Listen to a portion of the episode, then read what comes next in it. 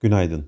Geçtiğimiz hafta %5.8 değer kaybeden S&P 500 endeksi dün %2.4 yükseliş gerçekleştirdi. Petrol ise resesyon olasılığına ilişkin fiyatlamalar nedeniyle sert gerileme kaydetti. Richmond Fed Başkanı Thomas Barkin, Fed'in bir resesyona girilmesi riskini arttırsa da yüksek enflasyonu aşağı getirmek için ne gerekiyorsa yapacağını açıkça ortaya koyduğunu söyledi.